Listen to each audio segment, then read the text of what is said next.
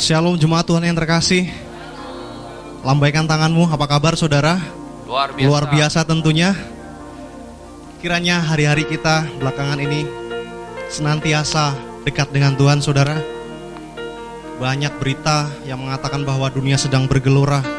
Kedengaran berita sini sana yang mengatakan bahwa banyak kabar yang mengembarkan saudara. Namun ada satu pesan untuk senantiasa kita berlindung pada Tuhan Allah kita. Amin. Amin saudara, untuk senantiasa kita dekat mencari wajah Tuhan. Mari kita persiapkan hati kita, segenap keberadaan kita. Kita mau beribadah pada minggu hari ini. Jemaat Tuhan yang beribadah di rumah melalui online bersama-sama. Kita bersatu hati, kita hampiri tahta Tuhan kita.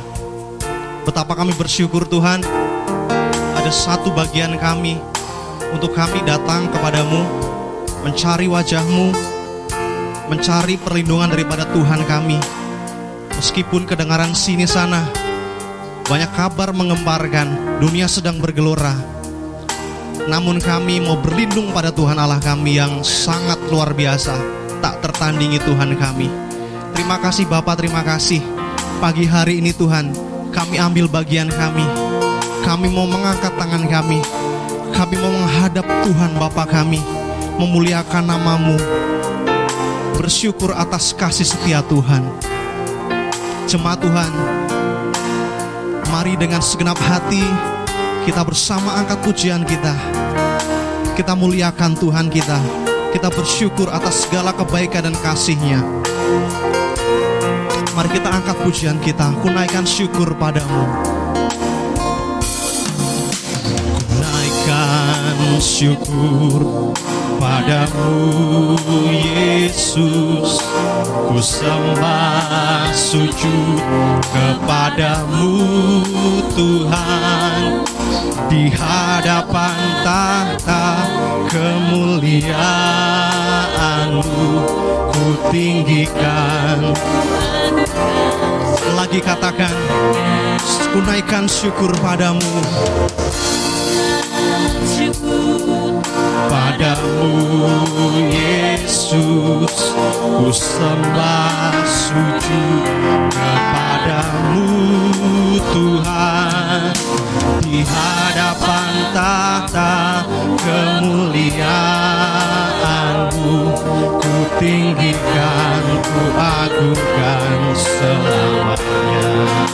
Mari sembah segala puji syukur bagimu Ku tinggikan namamu selalu. Kemuliaan hanya bagimu Terpujilah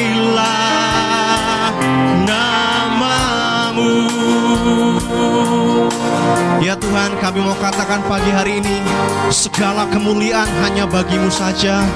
Engkau layak terima pujian Hormat dari segenap kami umatmu. Terima kasih Bapak terima kasih. Engkau telah melindungi kami Dan akan senantiasa memberkati hidup kami. Terima kasih Tuhan. Kembali dengan hati kami yang penuh Haus dan rindu kepadamu Kami katakan pujian penyembahan kami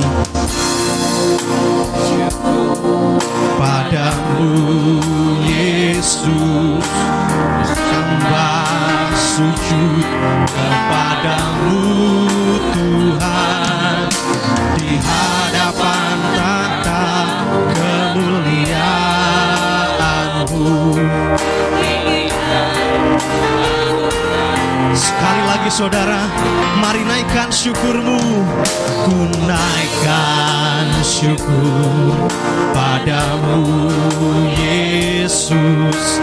Ku sembah sujud kepadamu Tuhan. Di hadapan tata kemuliaanmu Ku tinggikan,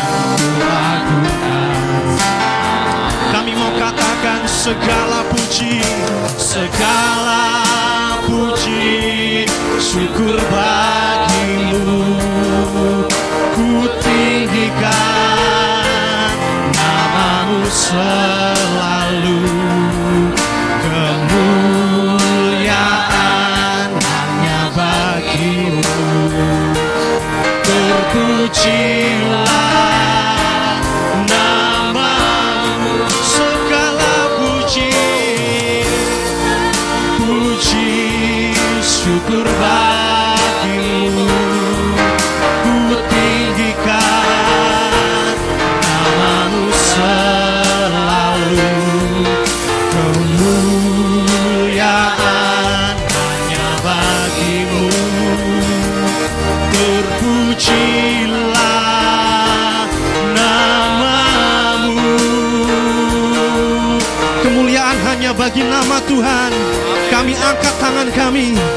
Kami nyatakan Engkau layak terima. Engkau layak pujian penyembahan kami hanya bagi Tuhan. Terima kasih Bapak, terima kasih. Kami rindu haus hanya bagi namamu. Terima kasih Tuhan, terima kasih. Mari semua Tuhan bangkit berdiri. Kita angkat tangan kita. Kita mau katakan segala puji hanya bagimu, milikmu saja ya Bapa.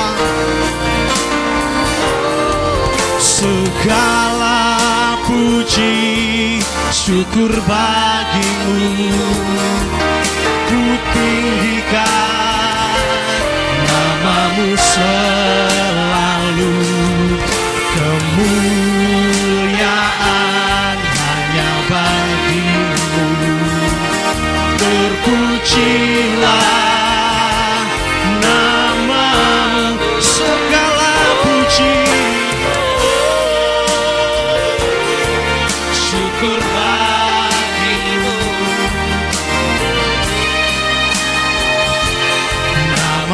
selalu kemuliaan hanya bagimu. Terpujilah namamu. Mari sembah dia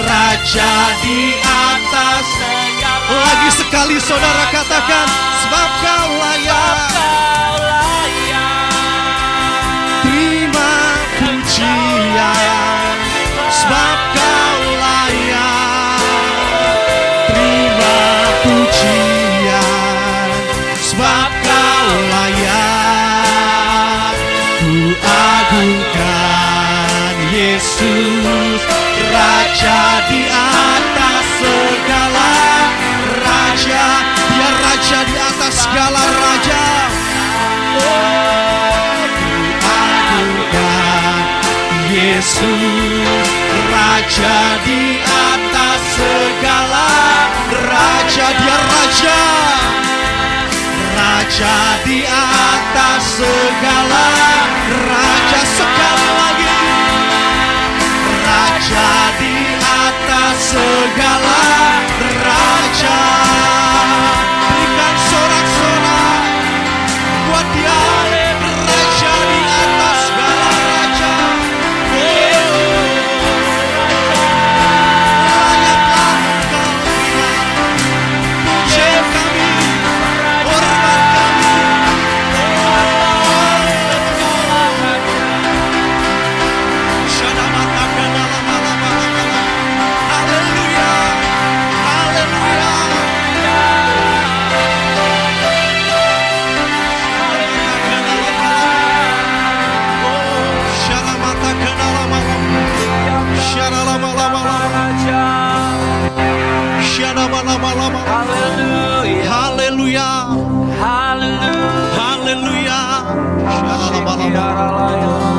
Shana mata kana lama lama lama lama Shana mata kana lama lama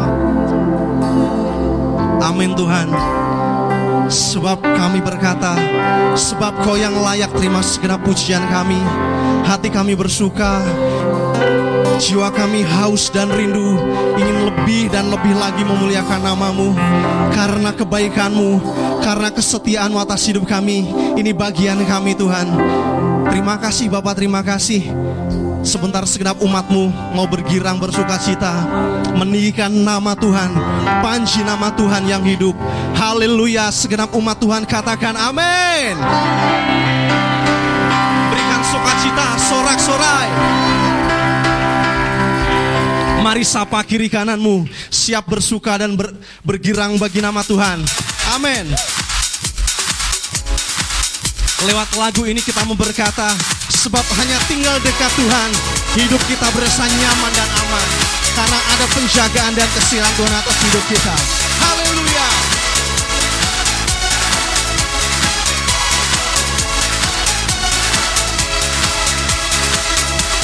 Yuk katakan Tinggal dekatmu ku aman Hidup dalammu ku menang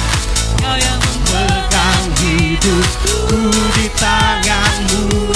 Amin. Kau meneguhkan langkahku. Kita akan berjalan. Ku berjalan di dalam kekuatanmu. Tuhan kau perisaiku. Lewati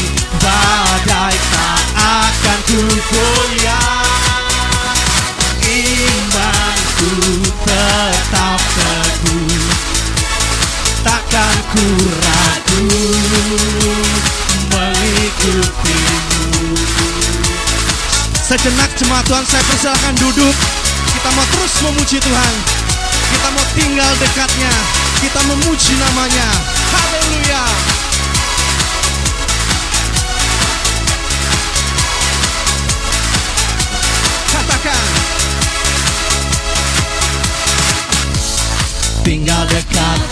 Ku aman Hidup dalammu ku menang Kau yang memegang hidupku di tanganmu Dia yang meneguhkan langkah kita. Berjalan Ku berjalan di dalam kekuatanmu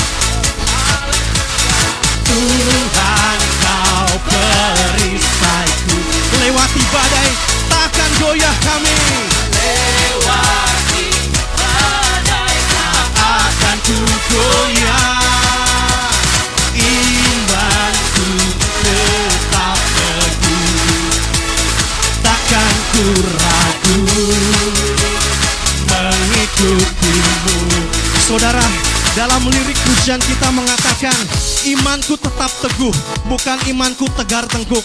Itu karena apa iman kita tetap teguh? Karena senantiasa hidup kita dekat dengan Tuhan, mencari Tuhan waktu demi waktu. Mari saya undang bangkit berdiri kembali. Kita mau angkat tangan kita, kita mau katakan kepada Tuhan, Dia yang meneguhkan langkahku dan kami akan berjalan dengan kekuatan Tuhan dalam hidup kami. Yo,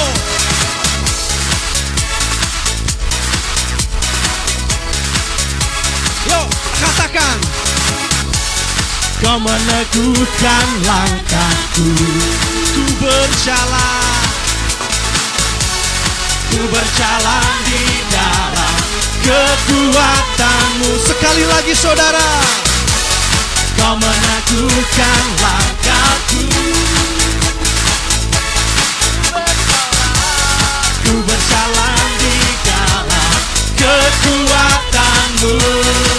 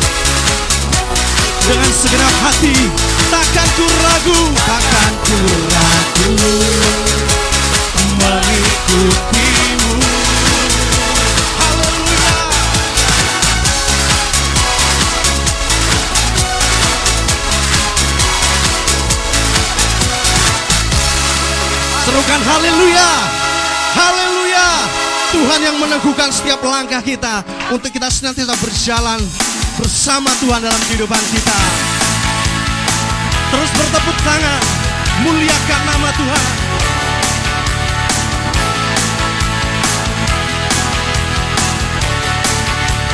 Kau kekuatanku Penopang hidupku Panjang keselamatan buktikan kasih setiamu Benteng hidupku. Tak akan ku takut Sebab ku tahu kau besertaku. Jaminan di lagi katakan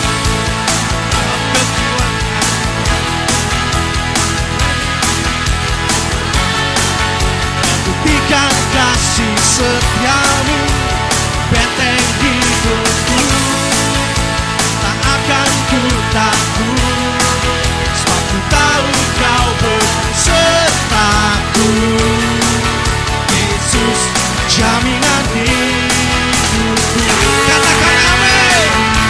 Yesus jaminan hidup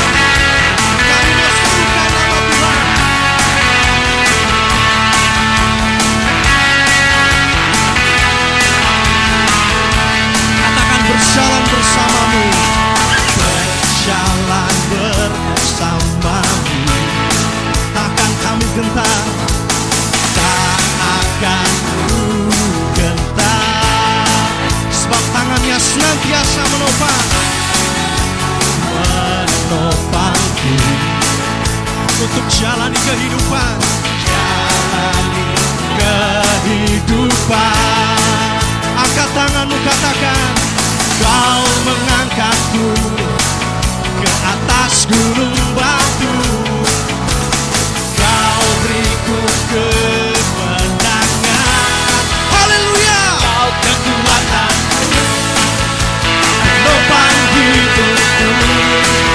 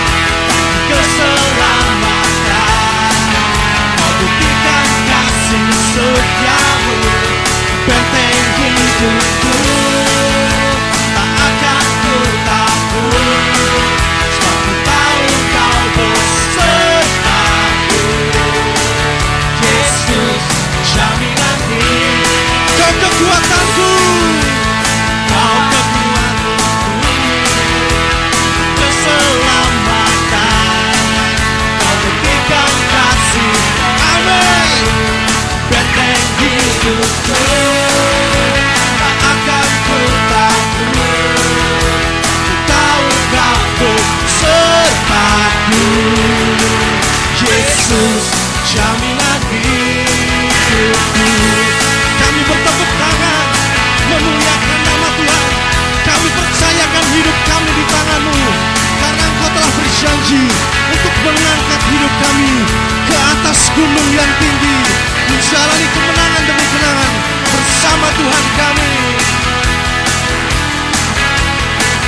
Kami mau katakan kau mengangkatku. Kau mengangkatku ke atas gunung batu. Kau kemenangan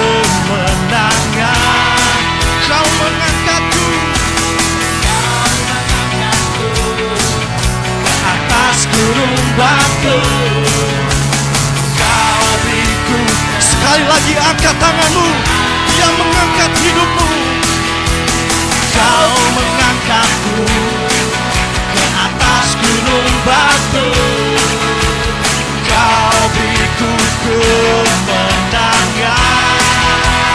kau kekuatanku penopang hidupku panci keselamatan kau buktikan kasih setiamu benteng hidupku.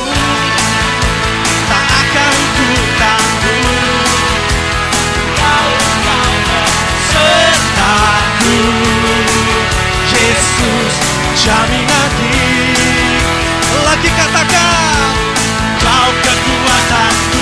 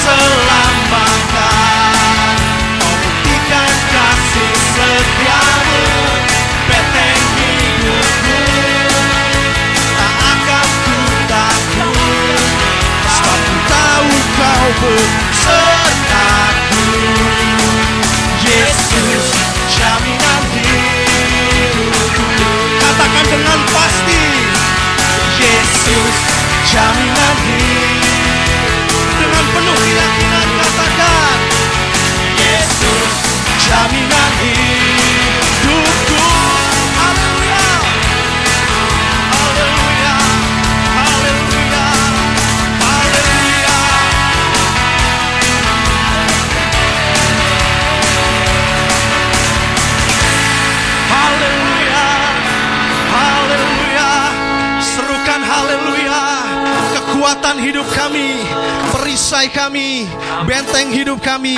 Yesus namanya. Terima kasih Tuhan, terima kasih. Engkaulah jaminan hidup kami. Amin.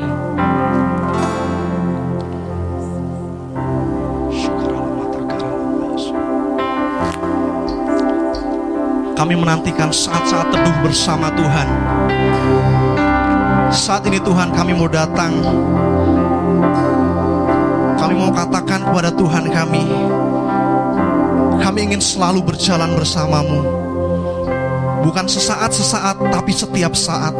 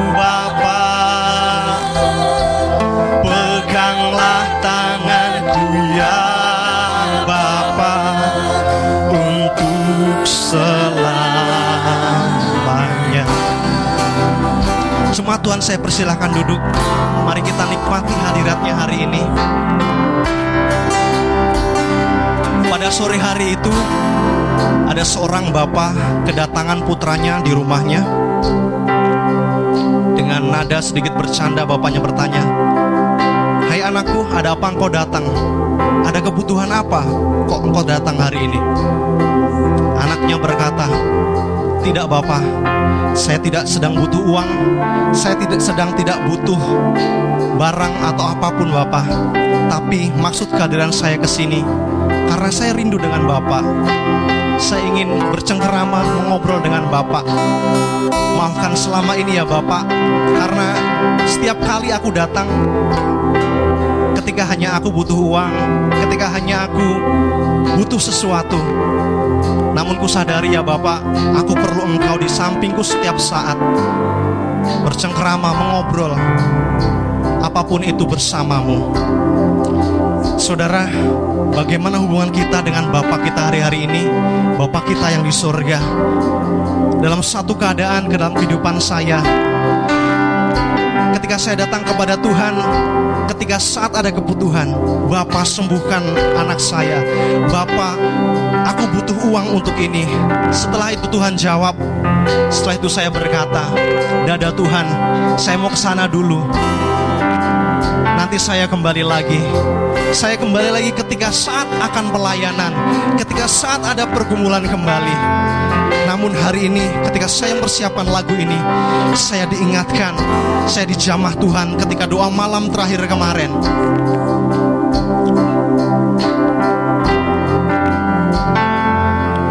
Bahwa ada kasih Tuhan yang menanti hidup saya. Saya sadari perlahan Kerohanian saya mulai mundur Dosa yang tadinya sudah dikalahkan, sudah dimenangkan perlahan mulai menarik hidup saya kembali sehingga melayani Tuhan datang ke gereja membaca Alkitab dan segala disiplin rohani yang lain itu menjadi satu beban yang memberatkan. Ketika datang firman Tuhan dalam hati saya itu terasa sangat menyakitkan terasa seperti tuduhan kepada hidup saya namun luar biasa kasih Tuhan dalam hidup saya. Yang menjamah hati saya dengan lembut. Hari ini lewat lagu ini Biarlah kita tidak dilelahkan secara fisik dan kering secara rohani tidak mencari Tuhan yang saat butuh saja, saat akan pelayanan saja. Setelah itu, baik Tuhan. Tidak seperti itu, saudara. Mari kita sadari hidup kita butuh Tuhan waktu demi waktu, saat demi saat, bukan sesaat dan sesaat. Terima kasih Bapak buat kasihmu. Kau menyadarkan hidup kami kembali hari ini. Lewat pujian kami hari ini Dengan kesungguhan hati kami Kami yang bersenantiasa berjalan bersamamu. Seumur hidup kami mengiring Tuhan. Jemaat Tuhan mari angkat pujian kita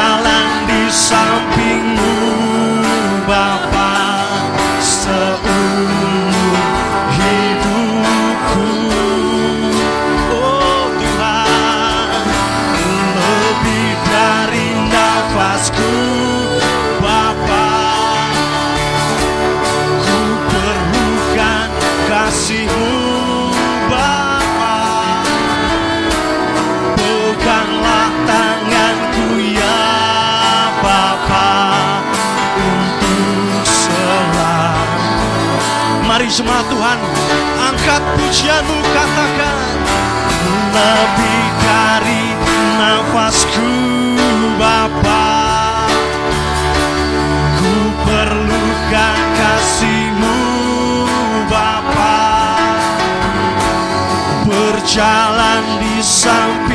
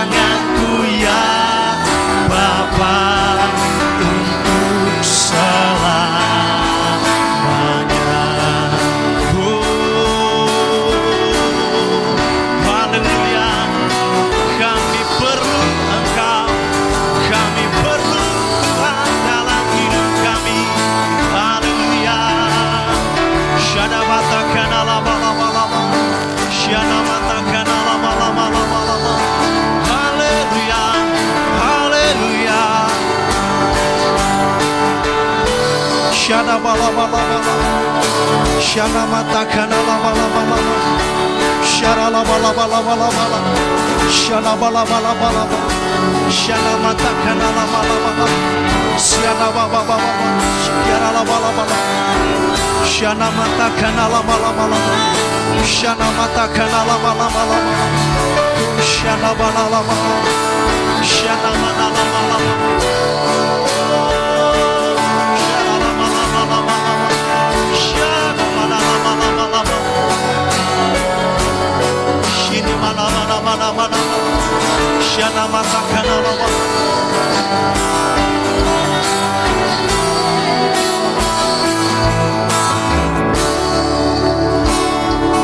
Kami angkat tangan kami Tuhan. Lebih dari nafasku Bapa.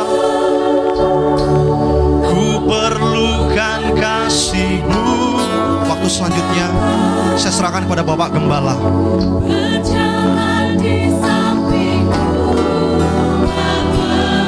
seumur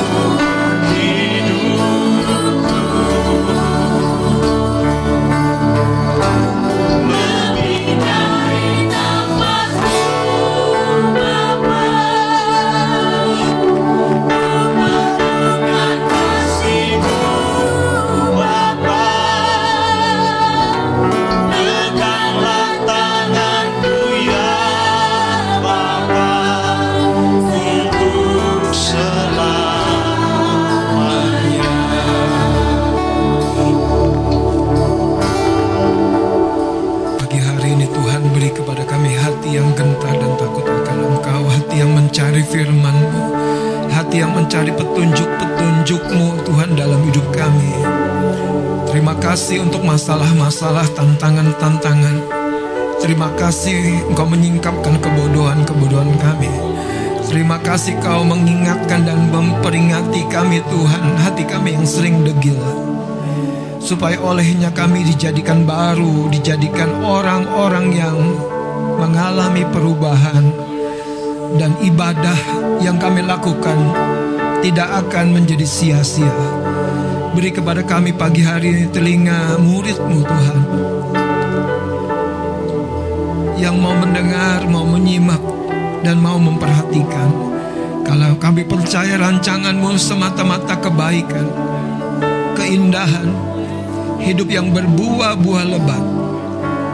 Di dalam nama Yesus Kristus. Haleluya. Sama-sama kita katakan amin. Amin. Beri tepuk tangan bagi Tuhan Yesus. Haleluya. Silakan duduk Bapak Saudara yang dikasih oleh Tuhan.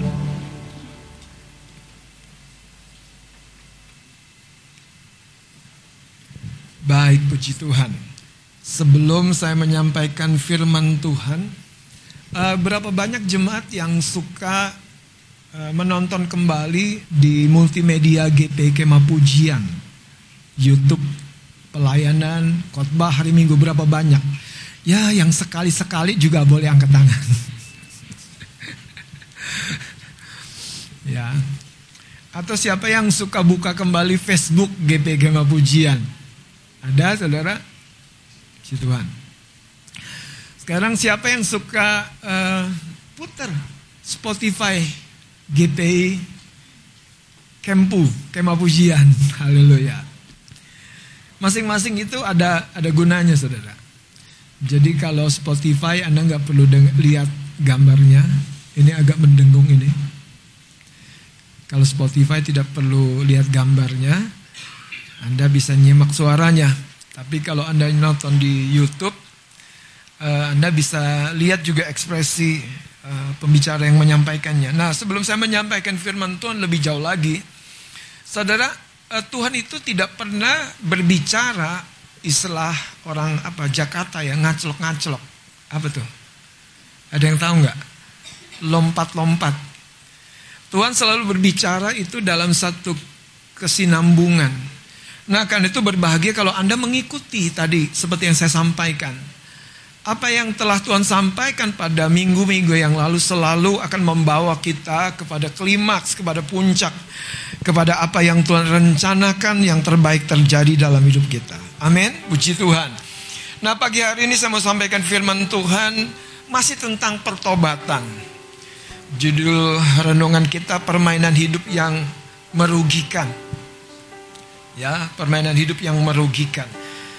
Dalam sebuah perenungan saya menemukan begini, Saudara. Sebetulnya tidak ada orang yang sulit bertobat atau berubah, tidak ada. Tidak ada orang yang sulit berubah, tidak ada orang yang sulit bertobat. Tapi yang ada adalah orang-orang yang sedang tertipu oleh roh-roh jahat. Kadang-kadang kekristenan kita yang terlalu modern ini mengabaikan pekerjaan dunia rohani ini. Karena kepentingan kita kadang-kadang datang hari Minggu hanya untuk ibadah. Hari Minggu harusnya kita memposisikan ulang posisi kita di hadapan Tuhan supaya kita punya kekuatan rohani baru untuk menjalani sepanjang minggu ini ke depan. Dalam proses pertumbuhan rohani saya sendiri, saya melihat betapa kadang-kadang saudara, untuk menjadi sesuatu, untuk mengalami pertumbuhan sesuatu, untuk mencapai satu pencapaian yang baru dalam hidup saya, itu ada satu dorongan-dorongan di hati nurani saya yang paling dalam. Yang mengarahkan untuk tiap-tiap langkah yang harusnya saya pilih. Tapi dalam keadaan tertentu saya menolak itu. Dalam keadaan tertentu saya ignore. Saya tidak izinkan suara itu mendorong saya. Contohnya, kamu minta maaf duluan kalau suami istri lagi bertengkar. Tapi kan aku bukan yang salah. Kan dia duluan. Saudara, masalahnya adalah kembali kepada bagaimana kita merespon. Nah, ketika kita membiarkan suara itu tidak kita respon sebagaimana harusnya, setan dapat kesempatan. Karena hati yang tidak taat itu bukan hati yang tidak taat kepada firman yang tertulis semata-mata. Kalau Anda baca Efesus pasal 2 ya, ini makanya dengerin lagi yang yang di belakang. Ada banyak kita tidak tahu bahwa kita dikelilingi oleh orang-orang yang menolak hati nuraninya. Pengajaran Rasul Paulus berkata, orang yang menolak hati nuraninya akan kandas imannya. Akan kandas imannya. Karena hati nurani, hati nurani ini itu apa namanya? Tour guide. Akan mengarahkan kita. Bahkan di situasi yang paling sulit, paling dilematis. Milih A salah, milih B salah. Pernah nggak?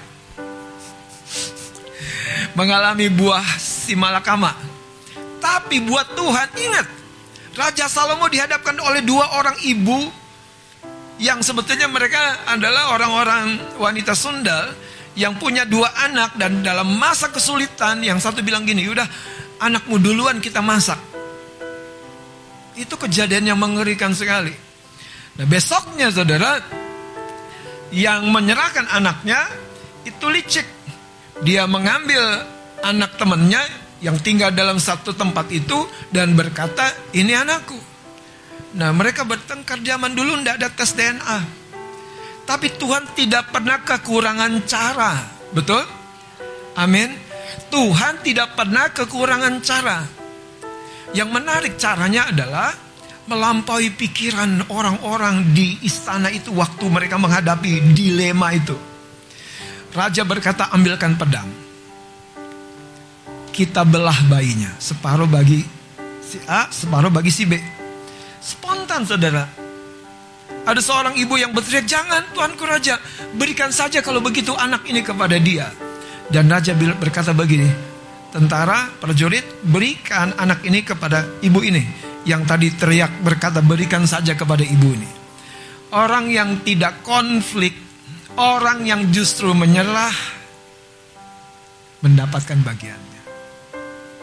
Anda paham nggak? Hidup itu tidak rumit, saudara, kalau kita ngikuti yang di dalam. Tapi ada banyak orang tuh konflik saudara. Ngotot begitu rupa sampai menghabiskan banyak waktu, banyak energi, banyak kesempatan yang sebetulnya dia bisa nikmati dengan situasi yang berbeda. Masalahnya pertanyaannya di mana saudara?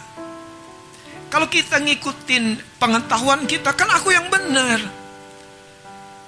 Makanya ngikutin yang di dalam. Nah Efesus pasal 2 ayat 3 itu dikatakan Paulus juga dulu orang-orang di antara mereka yang selalu menolak hati nuraninya. Bangun pagi diinsafin. Kamu punya janjikan hari ini. Jangan lupa janji. Ah tapi kan kayak ini mau hujan. Padahal udah janji. Ada pada gitu nggak? Kita tolak saudara. Mau berangkat naik motor. Bawa itu mantel hujan. Ah nggak hujan ah. Pernah gitu nggak? Dan itu justru saudara kita abaikan dan akibatnya kita menuai sesuatu yang sebetulnya tidak perlu kita alami. Saya cerita ini dari pengalaman saya sendiri saudara. Nah hari ini kita harus belajar ada permainan hidup yang sangat merugikan bahkan berbahaya dalam hidup ini. Yang namanya hidup dalam sebuah hati yang dualisme paham yang boleh A, boleh B. Aku boleh pilih dua-duanya. Boleh jadi orang rohani, tapi boleh juga jadi orang yang kedagingan, duniawi. Paham ini yang kita harus berantas menurut firman Allah. Supaya hidup kita makin dimurnikan dan mengalami setiap janji Tuhan.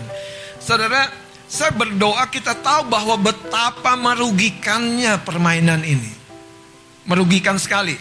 Mari lihat kitab Yesaya pasal yang ke-66. Saya akan bawa kita semua dengan cepat. Yesaya 66 ayat yang ketiga. Mari kita cepat uh, dapatkan firman Tuhan ini saya akan baca. Yesaya pasal 66 ayat yang ketiga. Orang menyembelih lembu jantan namun membunuh manusia juga. Menyembelih lembu itu bicara membawa korban di hadapan Tuhan. Dan lembu itu takaran korban yang mahal. Dia sepertinya sungguh-sungguh memberi untuk Tuhan. Tapi dia berkata, Alkitab ini mencatat, namun membunuh manusia juga. Orang mengorbankan domba namun mematahkan batang leher anjing. Apa maknanya mematahkan batang leher anjing? Saudara, binatang atau hewan yang dipatahkan batang lehernya itu darahnya tidak keluar. Jadi dia memakan binatang itu juga dengan darahnya. Padahal Alkitab berkata untuk darah itu harus dicurahkan. Tidak boleh dimakan. Karena di dalam darah itulah nyawa makhluk hidup. Lanjut lagi saudara. Orang mempersembahkan korban sajian namun mempersembahkan darah babi. Dan babi ini dalam konteks Yahudi itu binatang haram saudara. Jadi betul-betul menghina Tuhan. Bukan sekedar apa namanya nggak paham, nggak tahu. Secara budaya semua orang Yahudi tahu. Lanjut saudara. Orang mempersembahkan kemenyan namun memuja memuja berhala. Hari ini mungkin berhala kita bukan patung-patung tuangan. Tapi mungkin hobi kita, demi hobi saudara kita lalaikan banyak hal yang perlu, yang penting. Mari kita bertobat, katakan amin. Karena itu, ini peringatannya. Ini peringatannya. Sama seperti mereka lebih menyukai jalan mereka sendiri dan perhatikan, jiwa mereka menghendaki dewa kejijikan mereka. Demikian aku lebih menyukai memperlakukan mereka sewenang-wenang dan mendatangkan kepada mereka apa yang ditakutkan mereka. Itu dia, setan punya celah. Saudara, ini permainan yang merugikan sekali. Ada seorang hamba Tuhan yang bagus dia berkata begini, sejujurnya, saya lebih senang sama orang-orang saudara yang kelihatannya biasa-biasa di gereja. Tapi di hari-hari lain, waktu dia bekerja, waktu dia dalam rumah tangga, waktu dia bermasyarakat, dia selalu berkomunikasi dengan Tuhan. Mau bertetangga, dia nanya, Tuhan apa yang aku perlu lakukan ya? Tetanggaku, maaf, ini selalu merugikanku. Tuhan ngomong di hatinya, dia lakukan. Hamba Tuhan ini bilang begini, ketimbang orang-orang yang kelihatannya hari Minggu begitu rohani. Begitu rohaninya, begitu menonjolnya. Matius 7 ayat 21. Tiba waktunya orang berselut Tuhan, Tuhan, tapi Tuhan yang berkata gini, aku tidak pernah mengenal engkau. Saudara, ada sebuah tipu daya di dalam dualisme hidup itu. Makanya ini permainan yang sangat merugikan. Sangat-sangat merugikan. Sangat-sangat, sangat merugikan. Setan saudara itu masuk begini. Dia pelahan, tapi sangat pasti. Setan itu masuk, bukan langsung mengacak-acak. Dia bangun base camp. Dia bangun sebuah teritorial di hati kita. Makanya orang bisa hidup begitu dualisme, ujungnya munafik. Dan kalau udah munafik, wah, udah bahaya sekali saudara. Mari kita lanjutkan saudara. Mari baca ayat ini nanti ya. Karena ini merugikan sekali. Hati-hati. Kita bisa ibadah, kita bisa luar biasa, tapi di waktu yang lain kita bukan mempermainkan Tuhan loh, kita mempermainkan hidup kita. Kita mempermainkan hidup kita sendiri. Dan itu langsung terasa oleh Tuhan. Makanya saudara, ada sebuah ilustrasi yang baik. Satu hari seorang pendeta bertanya kepada seorang petani. Pak, ke mana aja? Dua minggu yang lalu nggak datang. Biasa jebat kan suka duduk di bangku yang biasa kan? Ya kan? Dia dia pokoknya punya punya cetakan duduk di situ. Betul kan? Jarang yang biasa di belakang maunya di depan. Aku mau dekat Pak Pendeta ah, sekali-sekali. Boleh. Aku mau di sebelah kanan ah, sekali. Boleh saudara. Tapi sayangnya itu budaya. Nah Pak Pendeta ini nanya sama jemaat. Jemaatnya bilang begini. Pak saya selalu ingat Bapak. Saya selalu saya selalu ingat gereja. Sekalipun saya harus menjaga cengkeh saya yang sedang saya jemur. Saya keringkan. Karena musim panas tidak selalu ada. Cerita Bapak ini menyadarkan bahwa ada begitu banyak orang yang betul-betul rohani tetapi tidak di rumah Tuhan. Tidak di gereja. Dia sampai menjaga cengkehnya, Ku memuji namamu Tuhan. Berapa banyak kita saudara. menghidupi, menghidupi, menghidupi gaya hidup yang seharusnya kita hidupi bukan hanya di rumah Tuhan. Colek kanan kirinya dong. Paham tidak kata Pak Pendeta? Paham tidak? Paham tidak?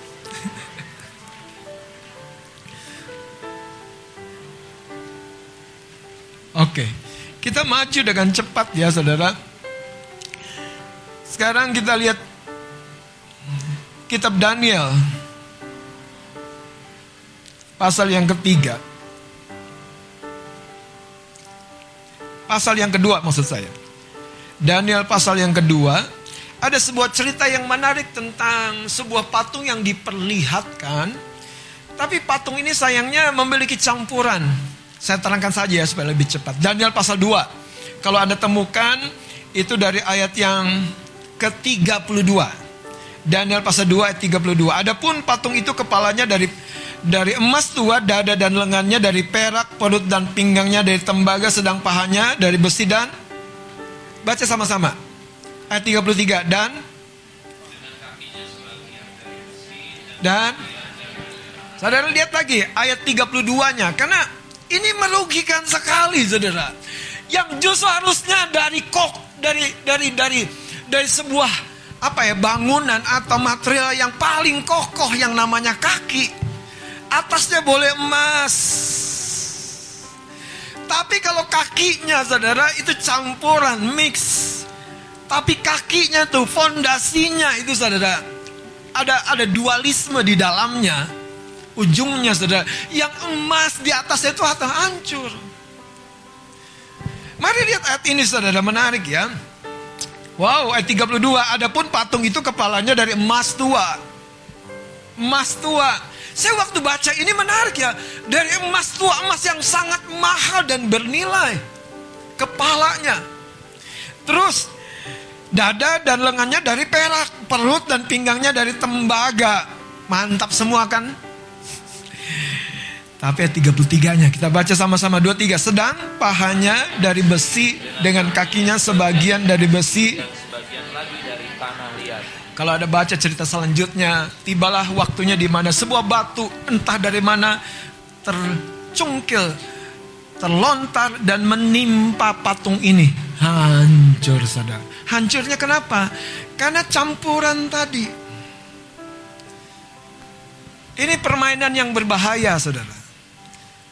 Ini bukan hanya bicara kita nyembah Tuhan tapi nyembah dewa dewa lain, bukan hanya itu. Kadang-kadang ya kita itu mengandalkan Tuhan tapi mengandalkan kekuatan daging kita juga. Kita campur-campurin. Terus waktu nggak nggak berhasil kita bilang gini Tuhan di mana engkau? waktu kita tidak mencapai tujuan kita, kita ngotot sama Tuhan. Tuhan aku kan anakmu, belalah aku. Tuhan mau bela, tapi yang menghalangi apa siapa? Kita sendiri. Makanya itu permainan yang merugikan. Colek lagi kanan kirinya kalau Tuhan Tuhan aja.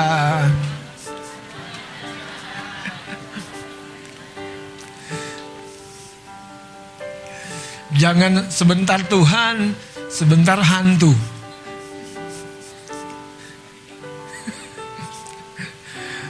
Habis om itu majikan sayang dulu, nah ya bertobat. Udah tahu nggak boleh. Jangan balik-balik lagi. Itu namanya apa? Cinta lama belum? Nah, tahu kan? Bukan di lokasi syuting aja itu terjadi. Cinta lama belum kelar. Anda tuh harap-harap dapat lampu Aladin. Gosok, gosok keluar jin, hadirkan rumah mewah, gosok-gosok, hadirkan wanita idaman, gosok-gosok, hadirkan pangeran dari Korea. Coba kasih tahu mimpi kali ya.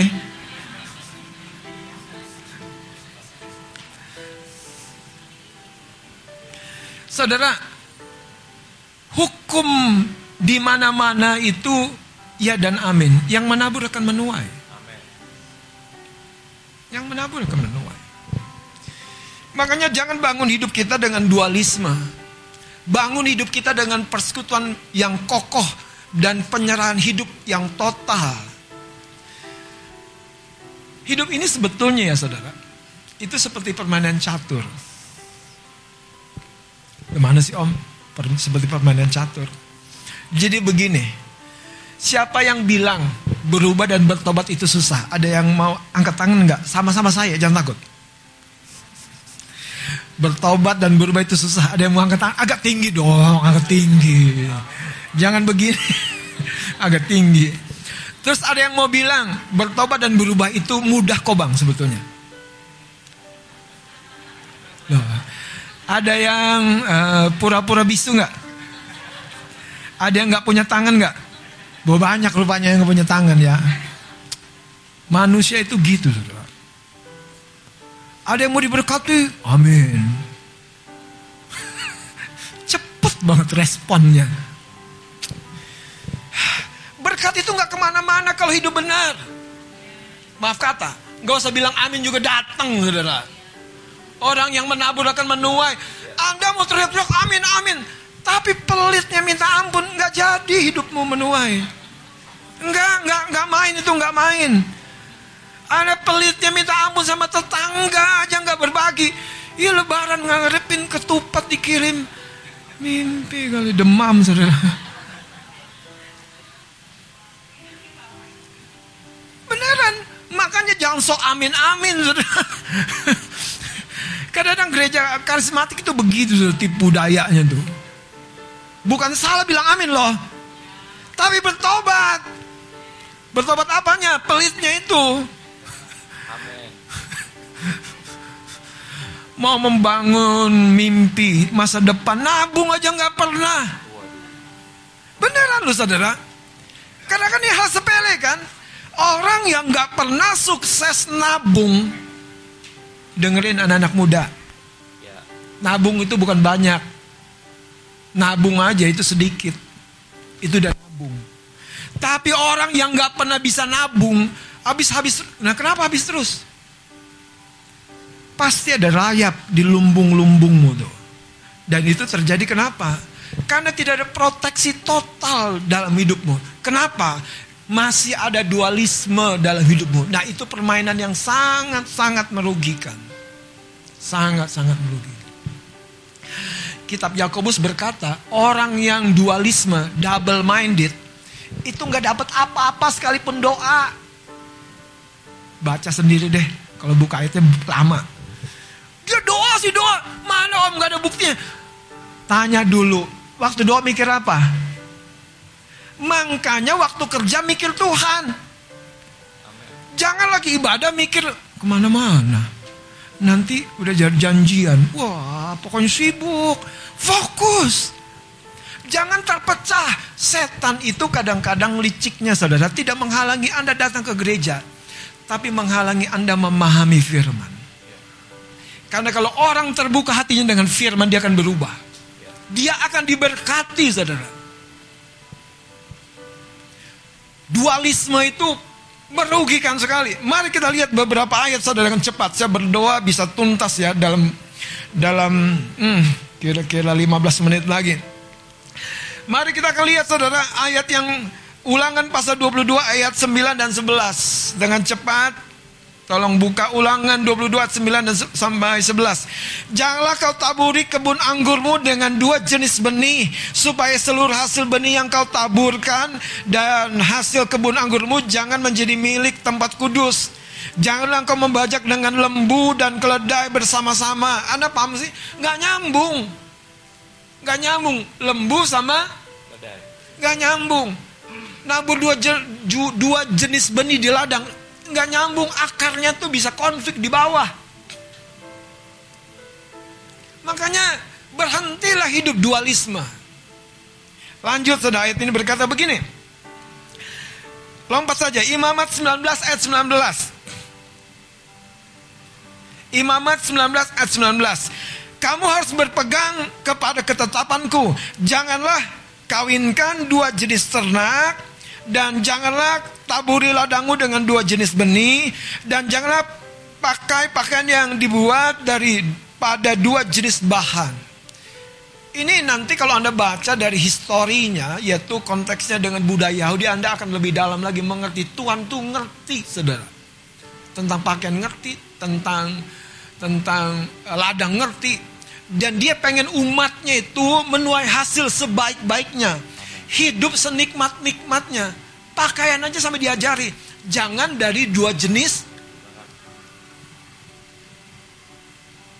Tuhan pengen umatnya menikmati hidup itu sebaik-baiknya. Namun sayangnya saudara, kita biarkan seperti tadi.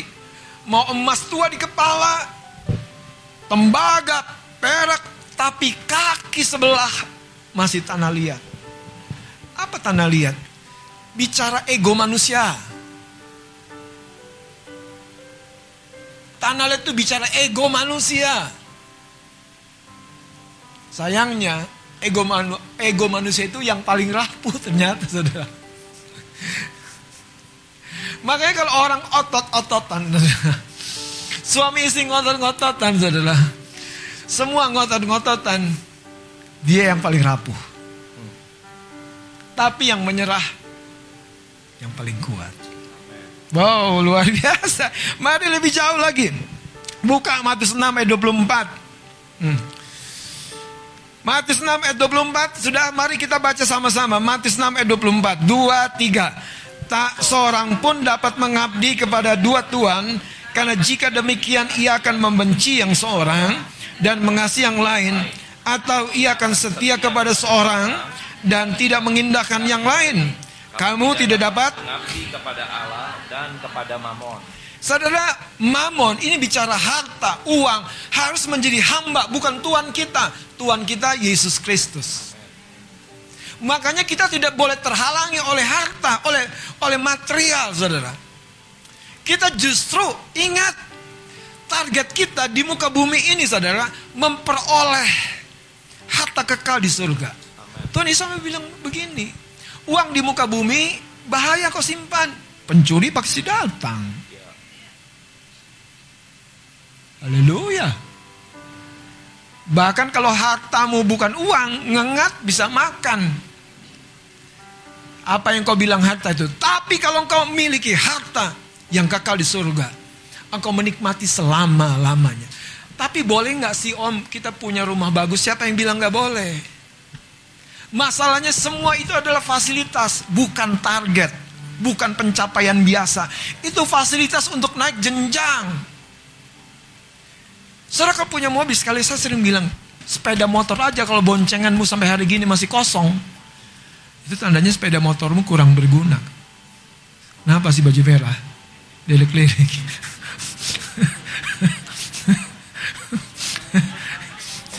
Cari temanmu lah. Oh bukan tante, tenang tante. Pokoknya kalau khotbah di gereja sendiri enak kok Pak Gembala. Lurus. Supaya segera tobat, saudara. Jangan mengabdi kepada mamon dan kepada Tuhan.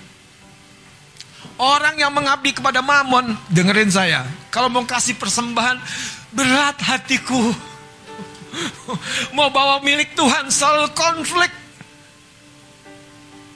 Betul apa betul?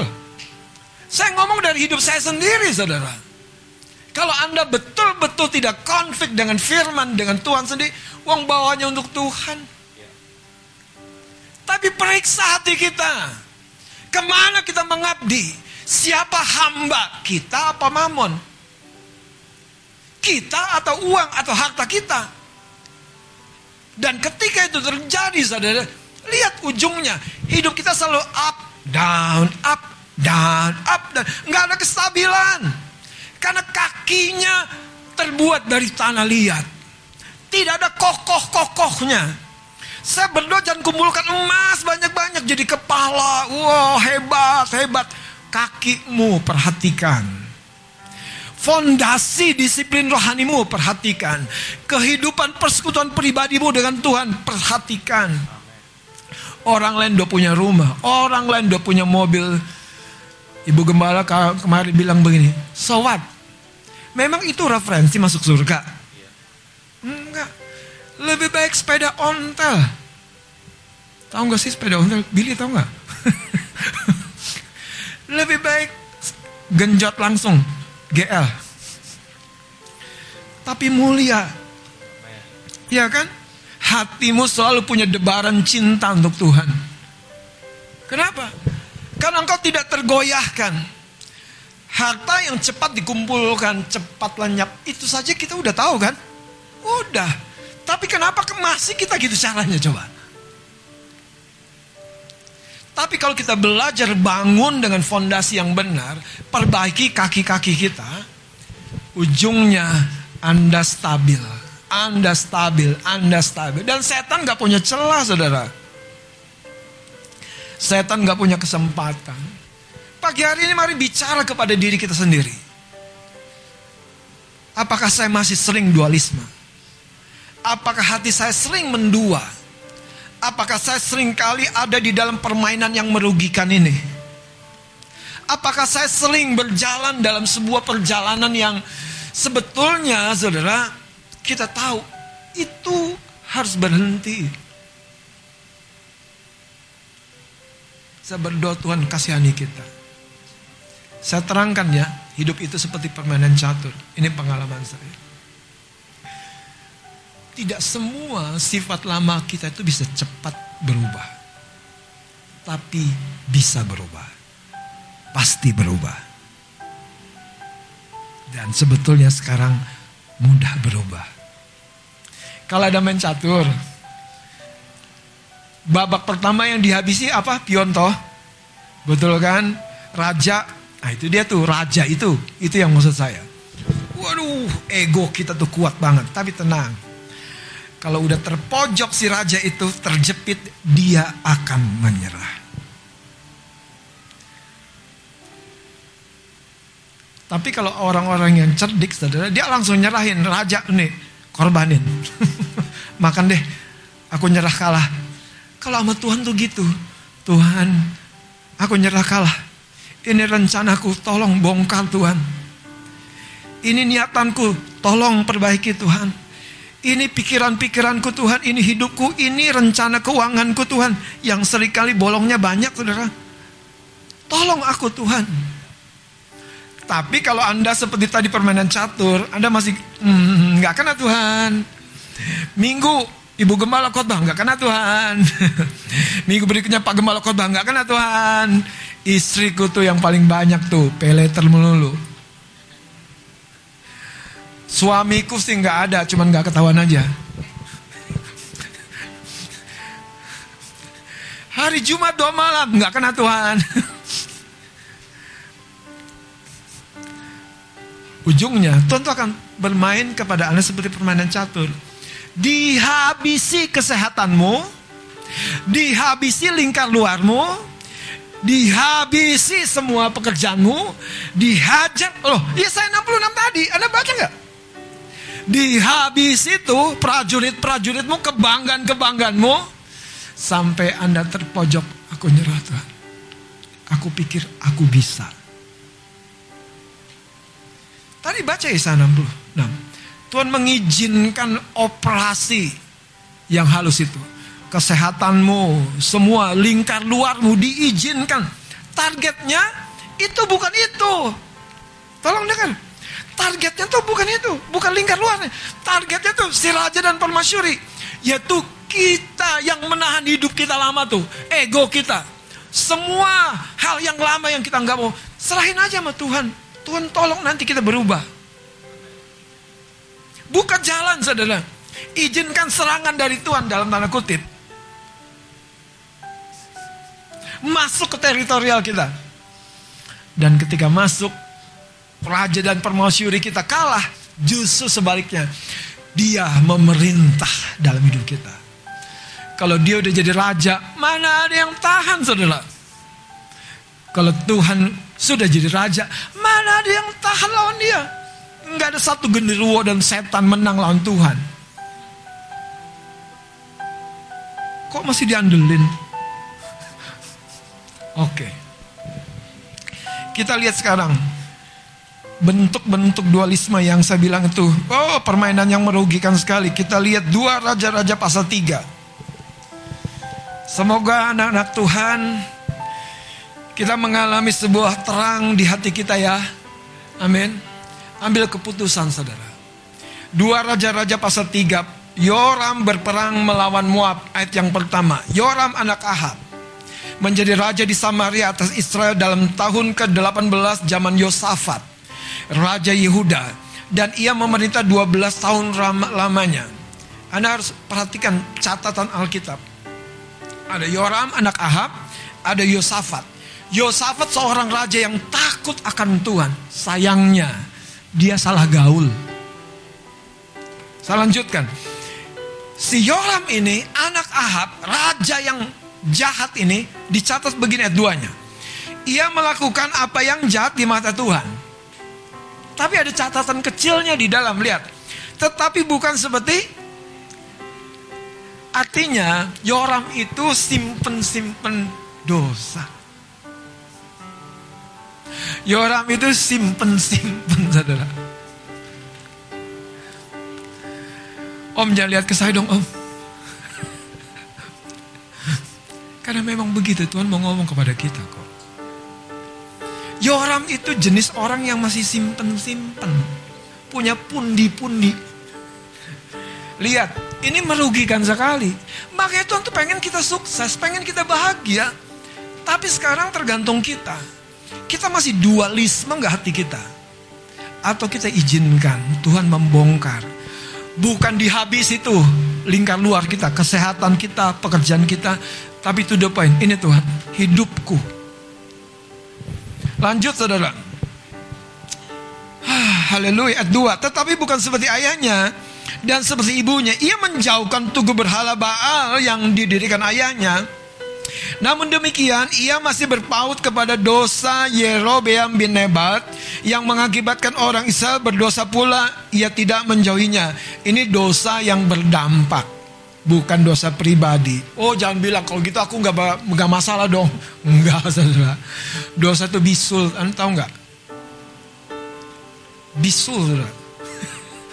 Tinggal tunggu waktu meletus, merah, meradang. Orang sekeliling anda tuh kena dampaknya. Lanjut. Ayat 4. Mesa Raja Moab adalah seorang peternak domba sebagai upeti dan seterusnya. Nah Moab memberontak terhadap Israel Ayat 6, keluarlah Raja Yoram pada waktu itu dari Samaria lalu memeriksa barisan seluruh Israel. Selanjutnya ia menyuruh orang kepada Yosafat, Raja Yehuda dengan pesan, Raja Moab telah memberontak terhadap aku. Maukah engkau bersama-sama aku berperang melawan Moab? Jawabnya. Wah, ini Yosafat ini. Yosafat, raja yang takut akan Tuhan. Yosafat itu terkenal suka memuji menyembah. Tapi waktu dia join bisnis, salah. Habis. Habis. Lihat lagi saudara. Bujukan Yoram tuh mau tuh saudara. Padahal dia lebih muda. Saya juga waktu baca ini, Yoram ini kan raja baru. Tapi ternyata dia punya ini, kelihayan di mulutnya. Sehingga Yosafat yang tulus dan polos-polos tergoda join. Waktu join kita lihat saudara. Kan masalah tuh. Mereka nggak dapat air dalam perjalanan kavaleri mereka. Mau perang, nggak dapat air.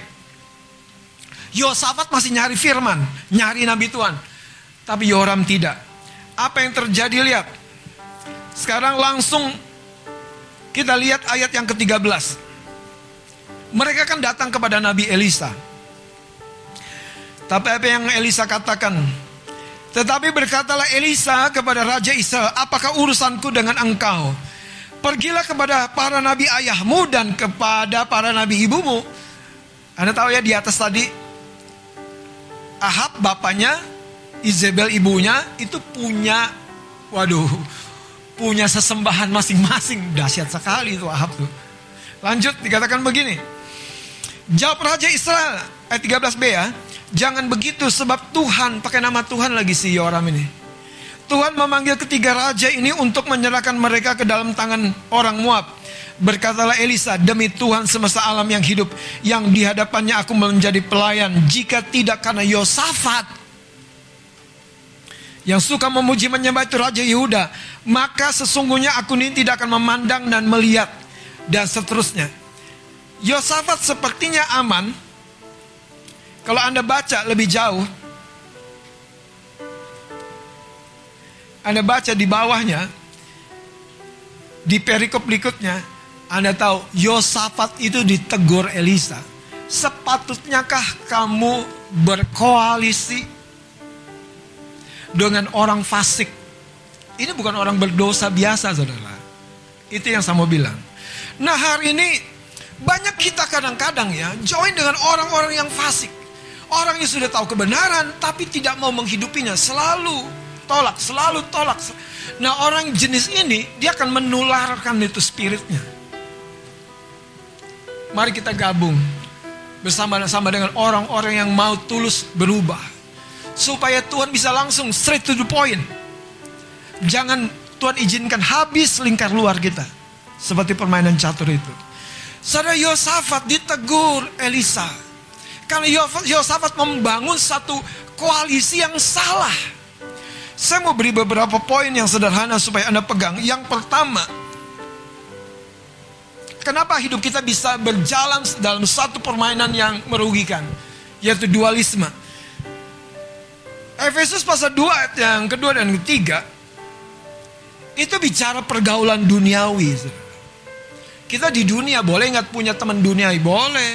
Tapi jangan jadi sahabat mereka sampai ikut-ikutan. Anda paham gak ikut-ikutan? Jadi Anda mengambil bagian cara hidupnya yang duniawi. Gak usah yang aneh-aneh. Yang satu pesan ini kita pesan lebih mahal lagi. Kita pesan lebih pede lagi. Habis gak enak bang. Itu duniawi saudara. Kita memuaskan apa yang sebetulnya udah cukup. Paham gak sih saudara? Ya, kadang-kadang kita gitu kan tuh, lagi traktir-traktiran tuh. Pokoknya jor-joran, pulang ngitung-ngitungan. Berasa kecekek. Itu tuh rajanya tuh di dalam tuh yang namanya eh ego. Kalau udah habis lingkar luarnya dan raja dan ratunya belum menyerah, wah tinggal dipojokin, dipojokin. Anda tahu main catur gitu kan? Nggak ada jalan kecuali menyerah. Pergaulan hidup yang duniawi, saudara. Makanya kalau Anda kenal, kenal saja, baik-baik saja. Tapi mengambil bagian hidupnya sama.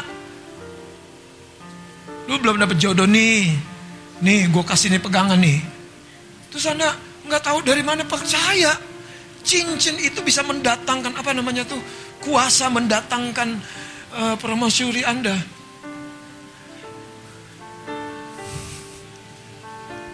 Ada nggak tahu, saudara?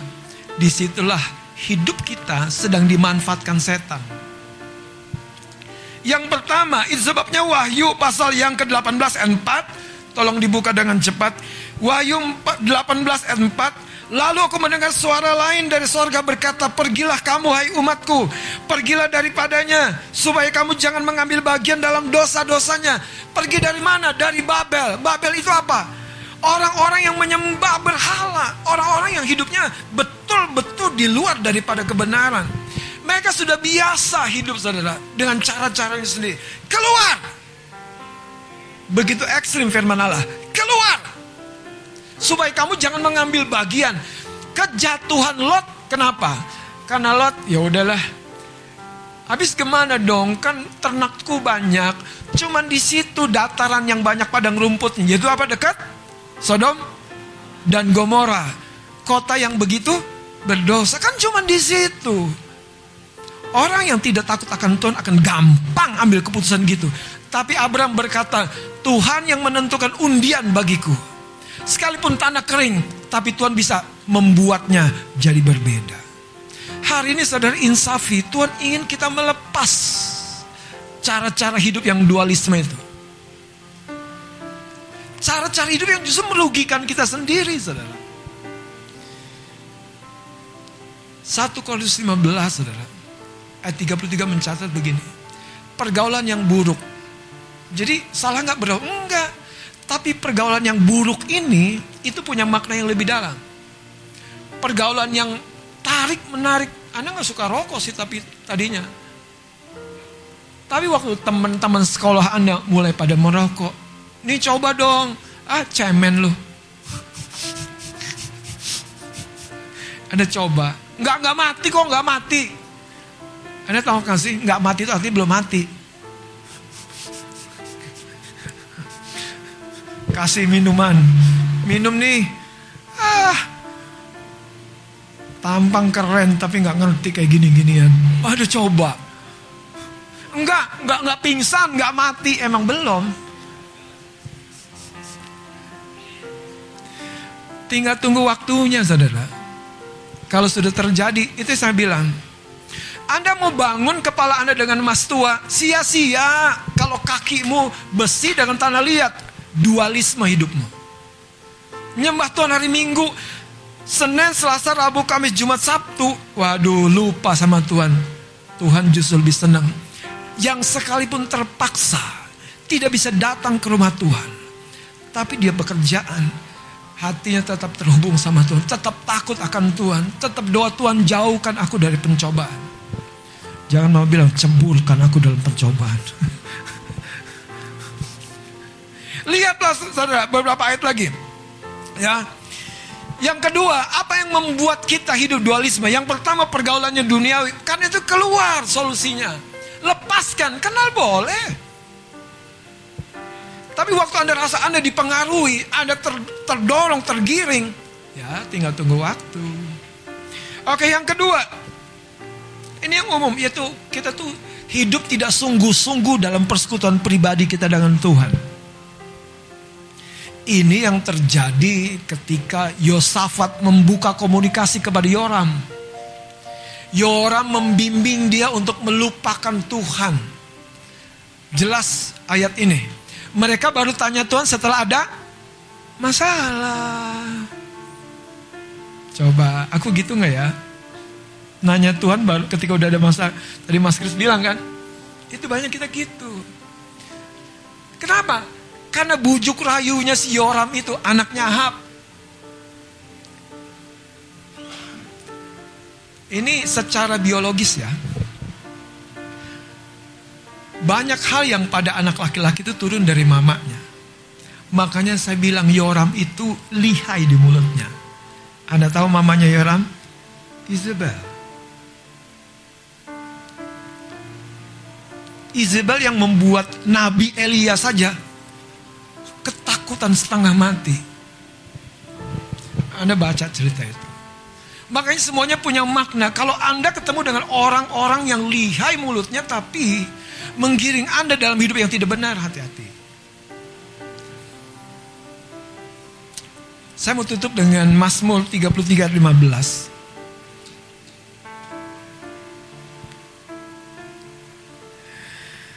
Mazmur 33 15 tolong tampilkan.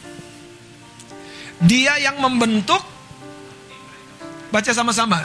Dia yang membentuk Kemudian Perhatikan segala pekerjaan mereka. ada orang lebih banyak membawa pekerjaan mereka di hadapan Tuhan tapi tidak peduli dengan bentukan Tuhan kepada hatinya. Yosafat dan Yoram mentok mau pergi berperang gak dapat air baru ada nabi Tuhan nggak cari nubuatan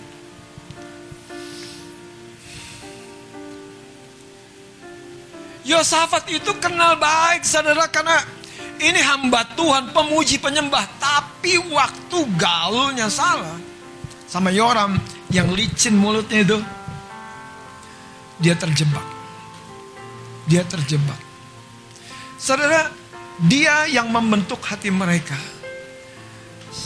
Sehancur-hancurnya. Jangan hadapkan masalahnya kepada Tuhan. Pertama-tama, hadapkan hatimu.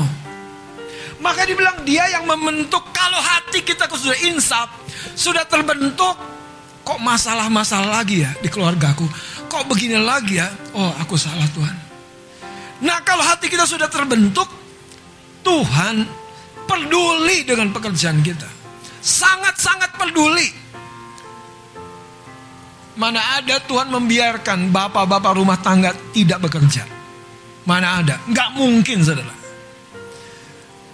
Tapi kalau bapak-bapak ini masih ele-elean sama Tuhan, nggak ngandelin Tuhan, nggak doa, nggak sembahyang, nggak bertobat, nggak nanya Tuhan, kenapa aku gini? Hati kita tuh masih keras. Tapi kalau hati kita mulai lembut, terbuka, mau dikoreksi Tuhan, hati kita terbentuk, pekerjaan ini bermakna hidup kita, bisnis kita, apa pun. Tuhan terlibat. Kalau sudah Tuhan terlibat, tidak ada rencana besar atau rencana kecil yang Tuhan biarkan gagal. Kalau Tuhan terlibat, tidak ada rencana kecil atau rencana besar yang sia-sia. Karena Tuhan di pihak. Berapa banyak hari ini kita nangkep saudara. Kita dalam permainan yang merugikan kita sendiri. Kita berusaha memunculkan di atas, di permukaan emas tua. Tapi kaki kita campuran besi dengan tanah liat, rapuh. Itu belum kelihatan sampai tadi, lompat batu. Seperti di dalam Matius pasal 7 Yesus bilang gini. Kalau kita bangun rumah kita, seperti orang yang bangun dengan cepat-cepat tanpa menggali dalam-dalam fondasinya, meletakkan batu dalamnya, tapi bangun cepat-cepat, semuanya berdiri, semuanya baik. Sampai datang hujan dan banjir melanda. Rumah yang dibangun dengan benar akan tetap kokoh. Tapi rumah yang dibangun dengan tadi prinsip hidup yang dualisme akan segera kocar kacir. Saudara, Bapak Ibu rumah tangga, tolong bertobatlah. Jangan sampai anak kita tuh seperti tadi permainan catur. Dihabisi setan, saudara. Sebetulnya targetnya itu kita. Papa dan mama. Pemimpin-pemimpin. Mari kita bawa hati kita kepada Tuhan. Karena kalau tidak saudara, tadi lingkar luar kita tuh dihabisi kayak permainan catur. Poinnya dihabisin, eh, apa pion. Yang diandelin kuda, menteri, benteng habis. Sampai kita terpojok dan berkata menyerah, kalah. Padahal kalau sama Tuhan, Tuhan tuh nggak perlu digituin saudara. Nggak perlu disusahin. Ibadah kita tiap minggu menyerah sungguh-sungguh. Minta pertolongan Tuhan. Waktu hati kita Tuhan sentuh, Tuhan bentuk. Tidak mungkin bisnis kita tidak dia berkati. Tidak mungkin hubungan kita tidak dia berkati. Tidak mungkin. Tidak mungkin saudara. Mari kita bangkit berdiri. Haleluya.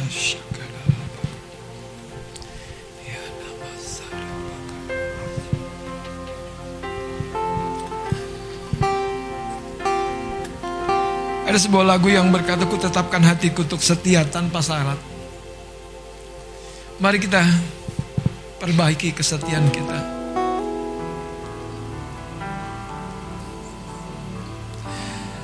Biar Tuhan menemukan satu hati yang jatuh cinta lagi kepada dia. Yang kalau dia datang, saudara, kita ndak pakai tirai, kita ndak pakai jalan samping melarikan diri. Tapi kita berkata, ini aku Tuhan.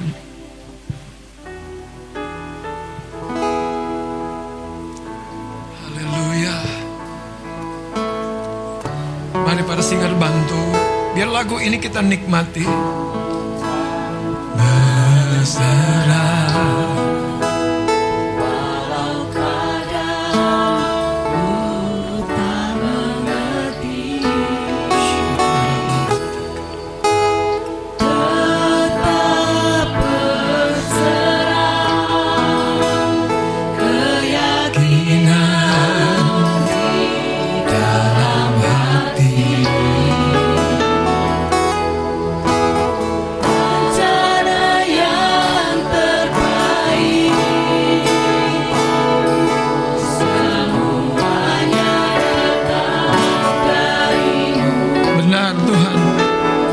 Datang daripadamu. Tuhan, Tuhan Angkat hatimu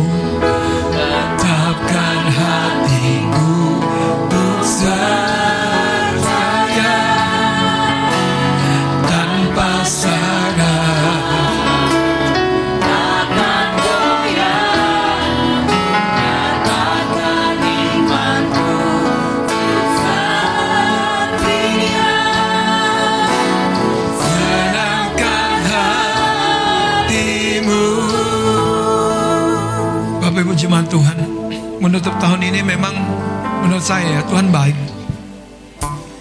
Dia bawa kita di kalau orang lagi dalam perjalanan luar kota ya, ada namanya rest area. Di rest area itu ya kita di refresh, disegar. Pertobatan itu sebetulnya rest area. Saya doa sama Tuhan, Tuhan ini apa yang perlu ya buat jemaatmu. Karena saya menyadari saudara, pencapaian-pencapaian lahiriah justru punya dampak yang berbeda ketika hati kita tidak bersedia dibentuk tadi. Hati kita bisa geser justru bukan waktu kita sedang mencari, tapi ketika udah dapet, kita bisa geser meninggalkan Tuhan. Saudara ada beberapa hal yang saya mau pesankan ini dari Tuhan. Yang pertama untuk para pelayan Tuhan. Hati-hati dengan hidupmu. Kita bisa bernyanyi, bermain musik atau jadi asyar melayani bagi jemaat. Sementara jemaat bertobat mengalami lawatan Tuhan. Namun kita sendiri sedang semakin kering. Kita sendiri sedang semakin. Kenapa pelayan Tuhan mengalami itu? Karena kita hidup tadi. Ada dualisme. Dan kenapa kita bisa dualisme gitu? Tadi ada sebuah gaya hidup yang bercampur. Kita tidak sungguh-sungguh membangun persekutuan kita dengan Tuhan. Terus ini hal yang Tuhan sampaikan karena kita para pelayan Tuhan itu dalam posisi melayani. Kita punya satu ego untuk menampilkan kemasan yang bagus. Pada dalamnya lagi kosong. Dan pesan ini saudara Tuhan perkuat dengan Tuhan mengingatkan saya tentang Imam Eli. Imam Eli itu saudara imam. Tapi matanya makin rabun, rabun, rabun, rabun. Dia masih jadi imam, masih. Tapi matanya jadi rabun. Konteksnya adalah kita bisa tetap melayani, tapi kita tidak punya lagi yang namanya ketajaman rohani. Kita tidak punya lagi yang namanya sebuah perasaan yang sadar bahwa Tuhan aku perlu bertobat, aku perlu ketemu dengan pemimpin, aku perlu didoakan. Aku bukan hanya perlu melayani, tapi aku perlu dilayani. Salah satu indikasi ketika kita bertobat di Alkitab itu adalah ketika kita mulai menetapkan jadwal puasa kita. Saya berdoa teman-teman para pelayan nangkap ini, jemaat nangkap. Tetapkan jadwal puasa. Karena dosa selalu terhubung dengan kedagingan kita. Puasa menangani kedagingan kita salah satunya. Mari kita angkat pujian ini. Haleluya. Ku tak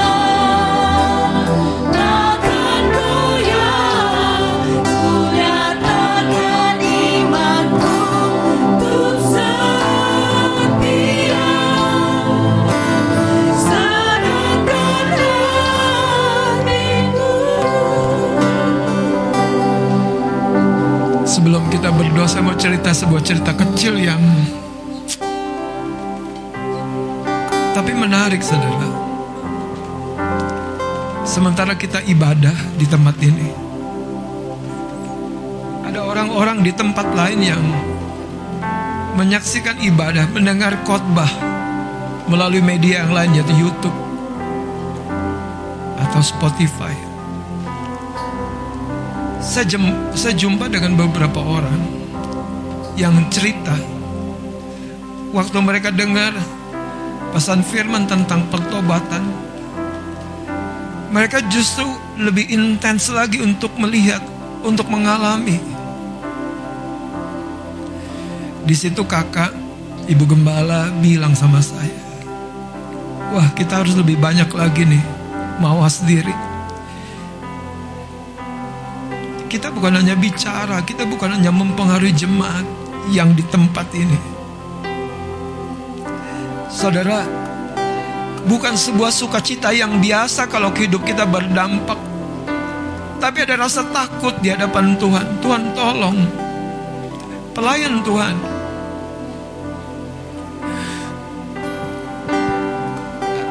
Ada teman pelayan kita, papanya diangkat jadi diaken hari ini. Saya langsung sampaikan pesan doa ya doa. Karena Tuhan tuh gak senang kita dipromosi. Setan tidak suka kita dipromosi. Tuhan justru mencari cara untuk mempromosi kita. Tetapi ketika Tuhan mempromosi kita, setan mencari-cari celah.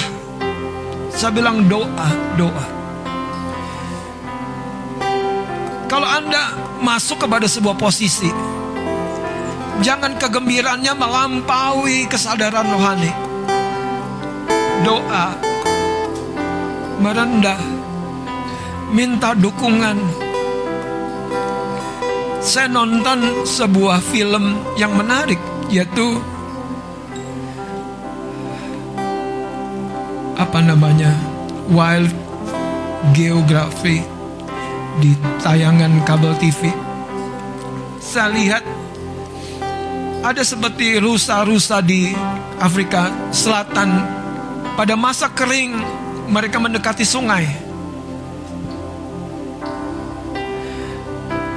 Ada induk rusa yang tidak tahu bahwa di dalam air yang sedang menipis itu ada buaya-buaya yang menunggu. Dan ketika ibu rusa itu tidak waspada, menundukkan kepalanya, minum air itu dengan mulutnya, dengan lidahnya. Buaya itu menerkam. Itu yang Tuhan katakan kepada Gideon. Mereka yang mengambil air dari dengan tangannya dan dibawa ke mulutnya itu jadi tentara kamu.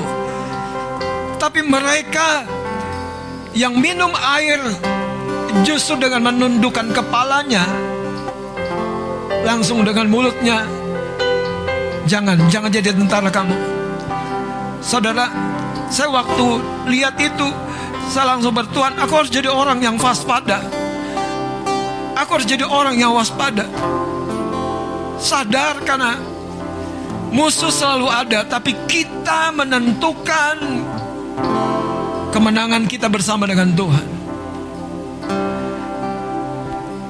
Kalau engkau mendengar renungan pagi ini dan mau berkata Tuhan aku mau bertobat. Bertobat dan berubah tidak susah. Hanya butuh menyerah. Ingat seperti permainan catur. Jangan sudah habis baru menyerah.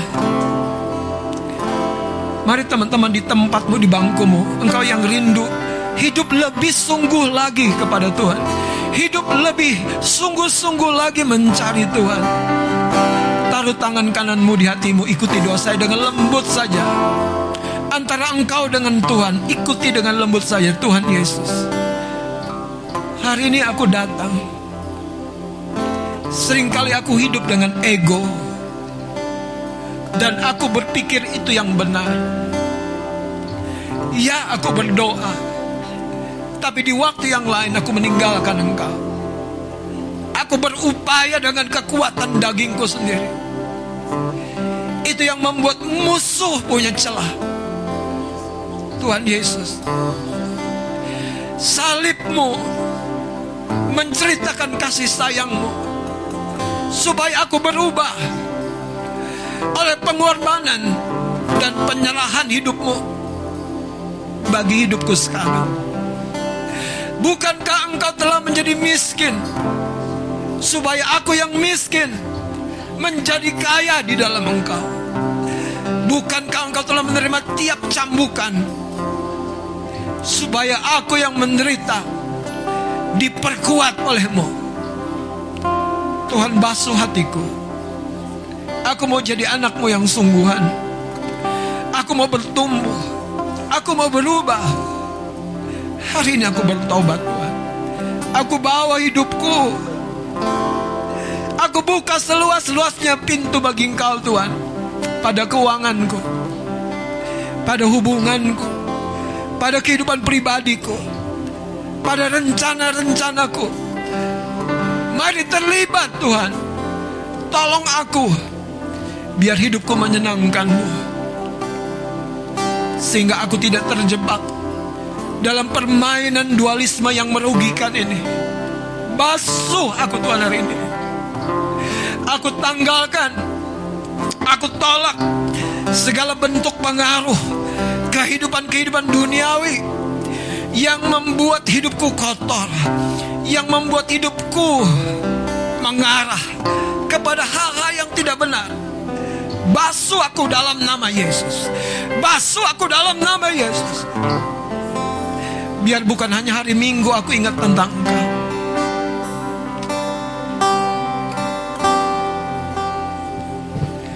Ku tetapkan hatiku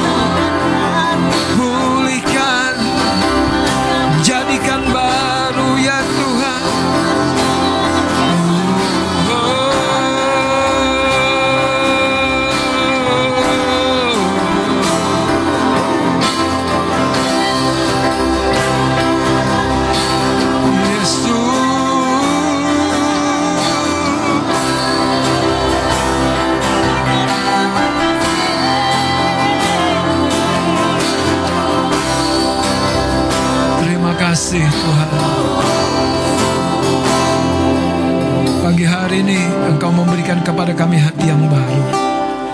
Kami mengucap syukur Tuhan. Biar firman-Mu sungguh-sungguh termaterai. Biar hidup kami semakin menyenangkan Engkau dan menyenangkan Engkau. Di dalam nama Yesus Kristus kami bersyukur. Haleluya. Amin. Amin. Silakan duduk sudah dikasih oleh Tuhan. Tuhan memberkati. Kiranya saudara kita ingat Jangan setan dapat kesempatan menghabisi lingkar luar kita. Pada Tuhan pengen dalam kita menyerah kepada Tuhan dan dengan cara itu proteksi sempurna dari Dia tidak akan meleset. Amin Tuhan memberkati. Puji nama Tuhan, kiranya kebenaran firman hari ini semakin menyegarkan kita, menguatkan hidup kita, untuk kita semangat menetapkan langkah kita. Tidak ada dualisme dalam hidup kita.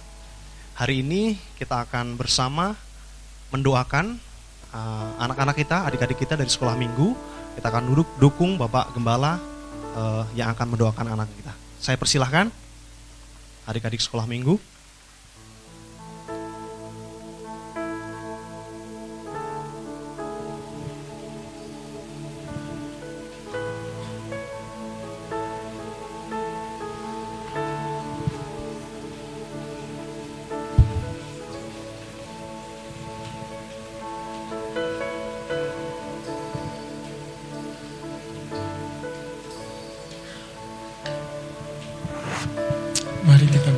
Persilahkan Pak Gembala.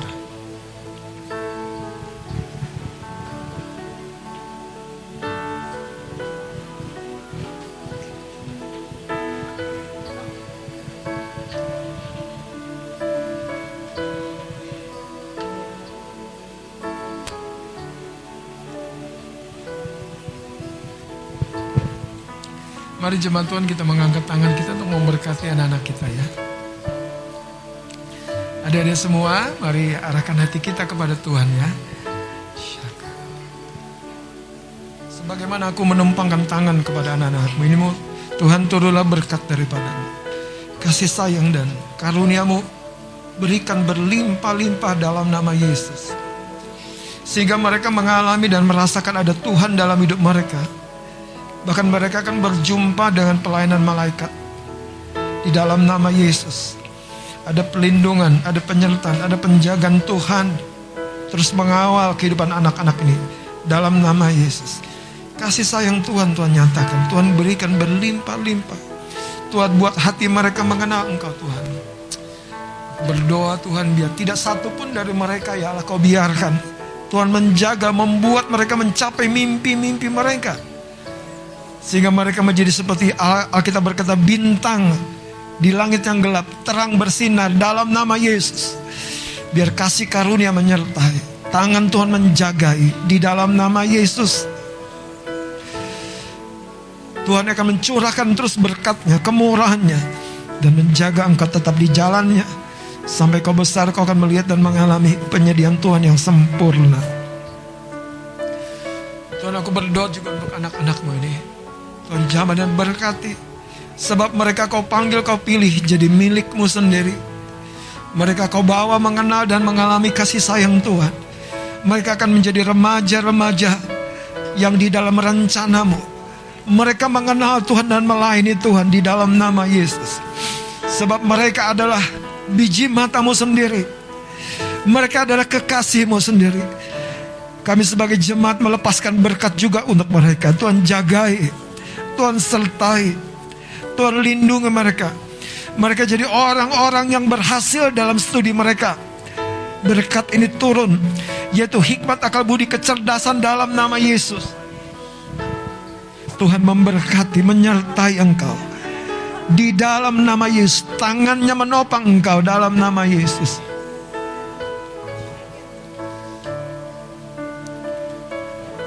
Aku berdoa juga Tuhan, Engkau tumpangkan tanganmu Tuhan. Limpahkan berkat, kemurahanmu, Kau jagai satu persatu mereka. Di dalam rencanamu mereka akan jadi pemuda-pemudi. Mereka akan jadi orang-orang muda di rumahmu. Yang akan menyatakan kemuliaan nama Tuhan. Terima kasih Bapak. Dan aku berdoa ya Allah. Kasih sayang kemurahanmu, penjagaanmu menyertai. Di dalam nama Tuhan Yesus Kristus.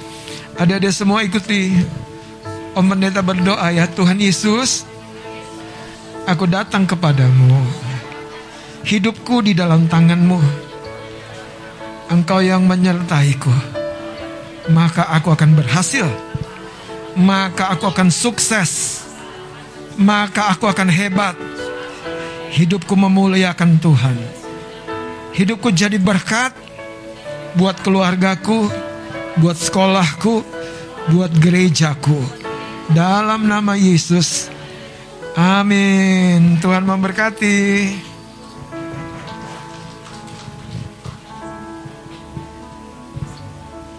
Kami persilahkan untuk kembali adik-adik sekolah minggu. Dan untuk selanjutnya saudara akan saya sampaikan pengumuman pada hari ini Minggu tanggal 30 Oktober. Pengumuman yang pertama adalah akan diadakan training gitar uh, yaitu pada hari Minggu 6 November di gereja di lantai 5 jam setengah satu seusai ibadah. Bagi pelayan yang melayani di bidang musik, uh, terutama gitar, wajib hukumnya untuk ikut. Ya, amin. Wajib saudara dan jangan lupa bawa gitar masing-masing. Sudah diwajibkan sama secret. Selanjutnya saudara, seusai ibadah ini nanti akan ada pertemuan remaja uh, di tempat ini, di ruang ini. Atau di lantai atas nanti akan dihubungi selanjutnya, uh, lebih lanjut. Dan satu lagi saudara pengumuman, kita akan menyambut perayaan Natal kita. Saya persilakan untuk Kak Sari yang akan menyampaikan pengumuman mengenai Natal kita. Haleluya.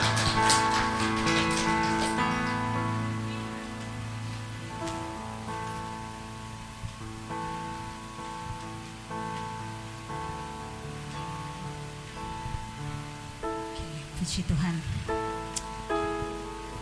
Oke, shalom saudara-saudara.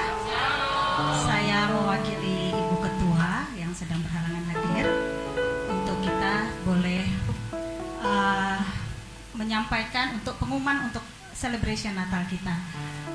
Baik, boleh ditampilkan. Tema kita adalah It's Time to Shine dan wah kecil sekali. Baiklah saya lihat yang ada di sini ya. Jadi kita akan merayakan di luar. Beri tepuk tangan. Haleluya. Sampai akhir eh, hampir akhir penghujung tahun ini sudah begitu banyak kemurahan Tuhan yang kita nikmati. Dan pasti closingnya juga dari Tuhan adalah kemurahan Tuhan. Sebab itu kita bisa merayakan di tempat ini. Benar saudara, ini adalah kemurahan Tuhan kita bisa dapat merayakan di tempat ini. Jadi eh, kita akan merayakan di Hotel Aviari. Sebentar ya, saya di sini lebih jelas karena di situ kecil sekali. Oke. Jadi kita akan merayakannya di ballroomnya, di ballroom Hotel Aviari di Bintaro. Ya, ini penampakannya. Haleluya. Puji Tuhan. Haleluya.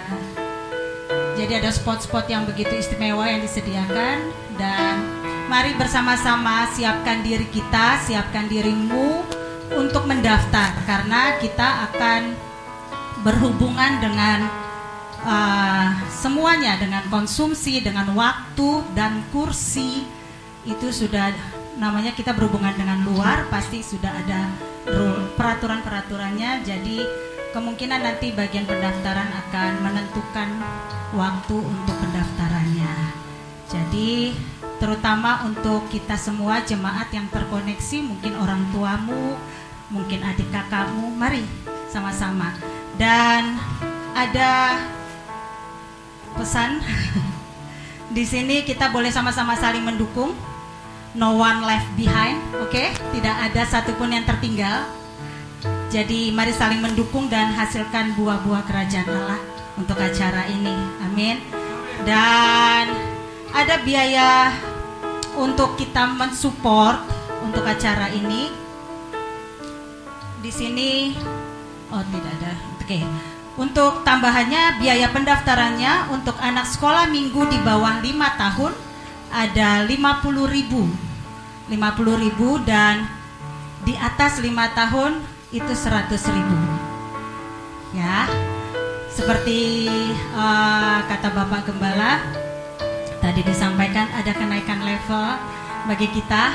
Amin. Mari tetapkan hatimu untuk saling mendukung untuk mendaftarkan dan menjadi orang-orang yang duta-duta kerajaan Allah yang menyampaikan berita kemuliaan Tuhan. Demikian juga untuk Natal ini seperti yang sudah berjalan beberapa waktu lalu ada support dana, donatur, selain uang pendaftaran tadi demikian juga lewat aksi dana kantin. Mari bersama-sama kita untuk mensupport hingga acara ini berjalan dengan baik. Haleluya, itu saja Tuhan Yesus memberkati. Berikan tepuk tangan. Terima kasih Kak Sari. Kita antusias tentunya saudara menyambut Natal kita.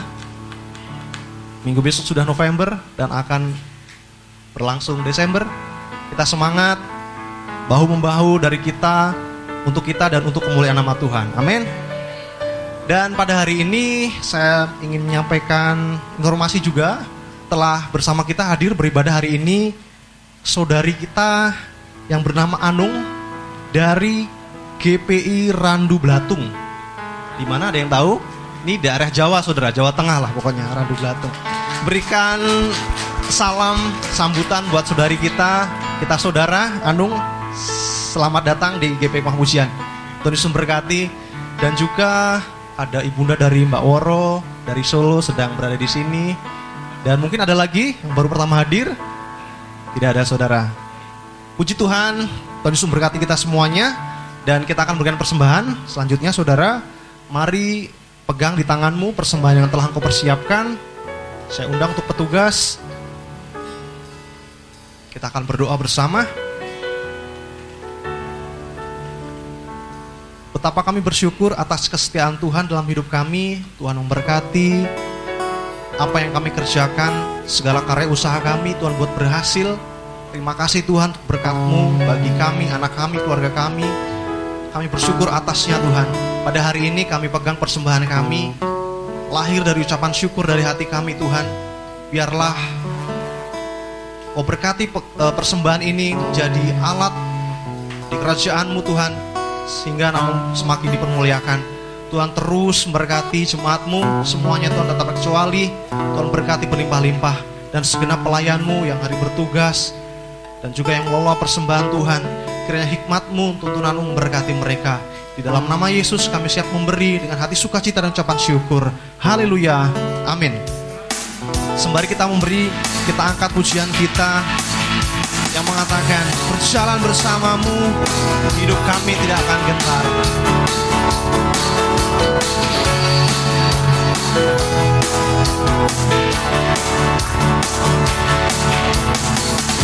jalan bersamamu Tak akan ku gentar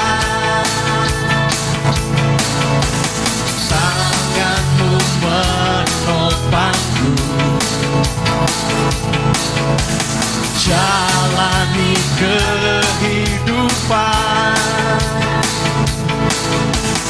Kau mengangkatku ke atas gunung batu. Kau beriku kemenangan.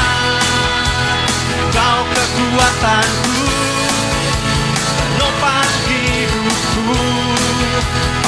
keselamatan. Kau buktikan kasih setiamu Benteng hidupku. Akan ku takut Sebab ku tahu kau besertaku. Yesus jaminan hidupku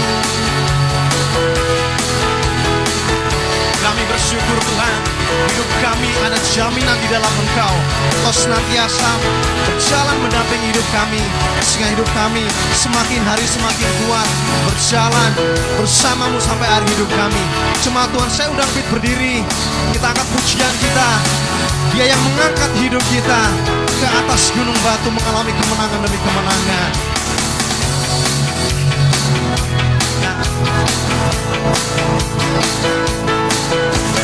Tak akan gentar Sebab tangannya senantiasa menopang.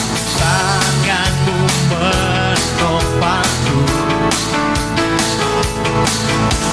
Jalani kehidupan. Katakan Kau mengangkatku Ke atas gunung batu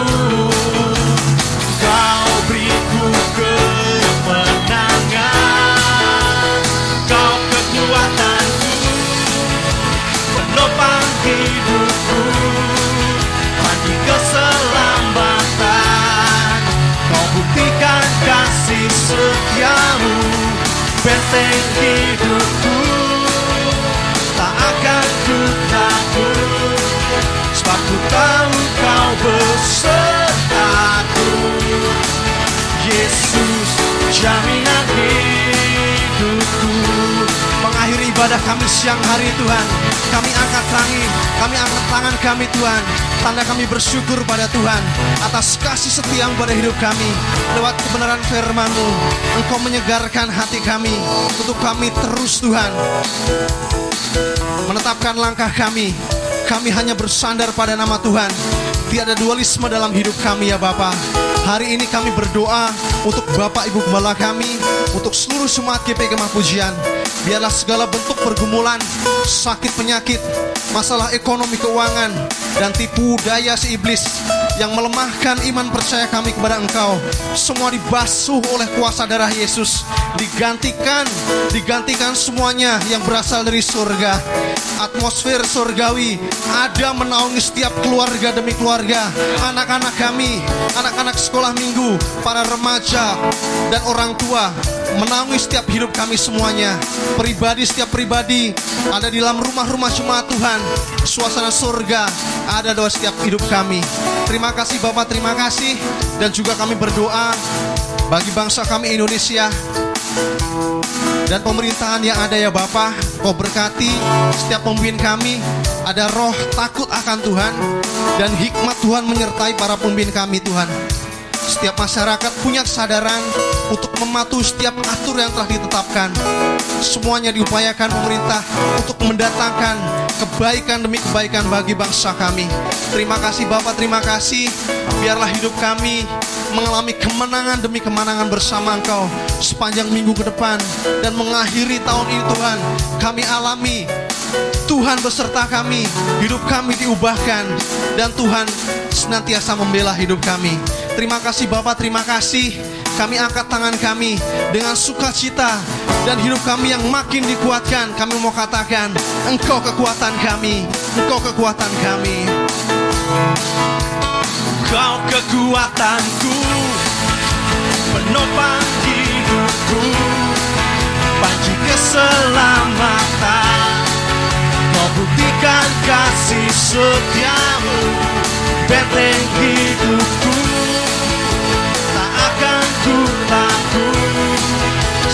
tahu kau besertaku Sekali lagi saudara Dan kita akan terima berkat daripada Tuhan. Kau kekuatanku. Saya serahkan pada Bapak Gembala. Panji keselamatan. Kau buktikan kasih setiamu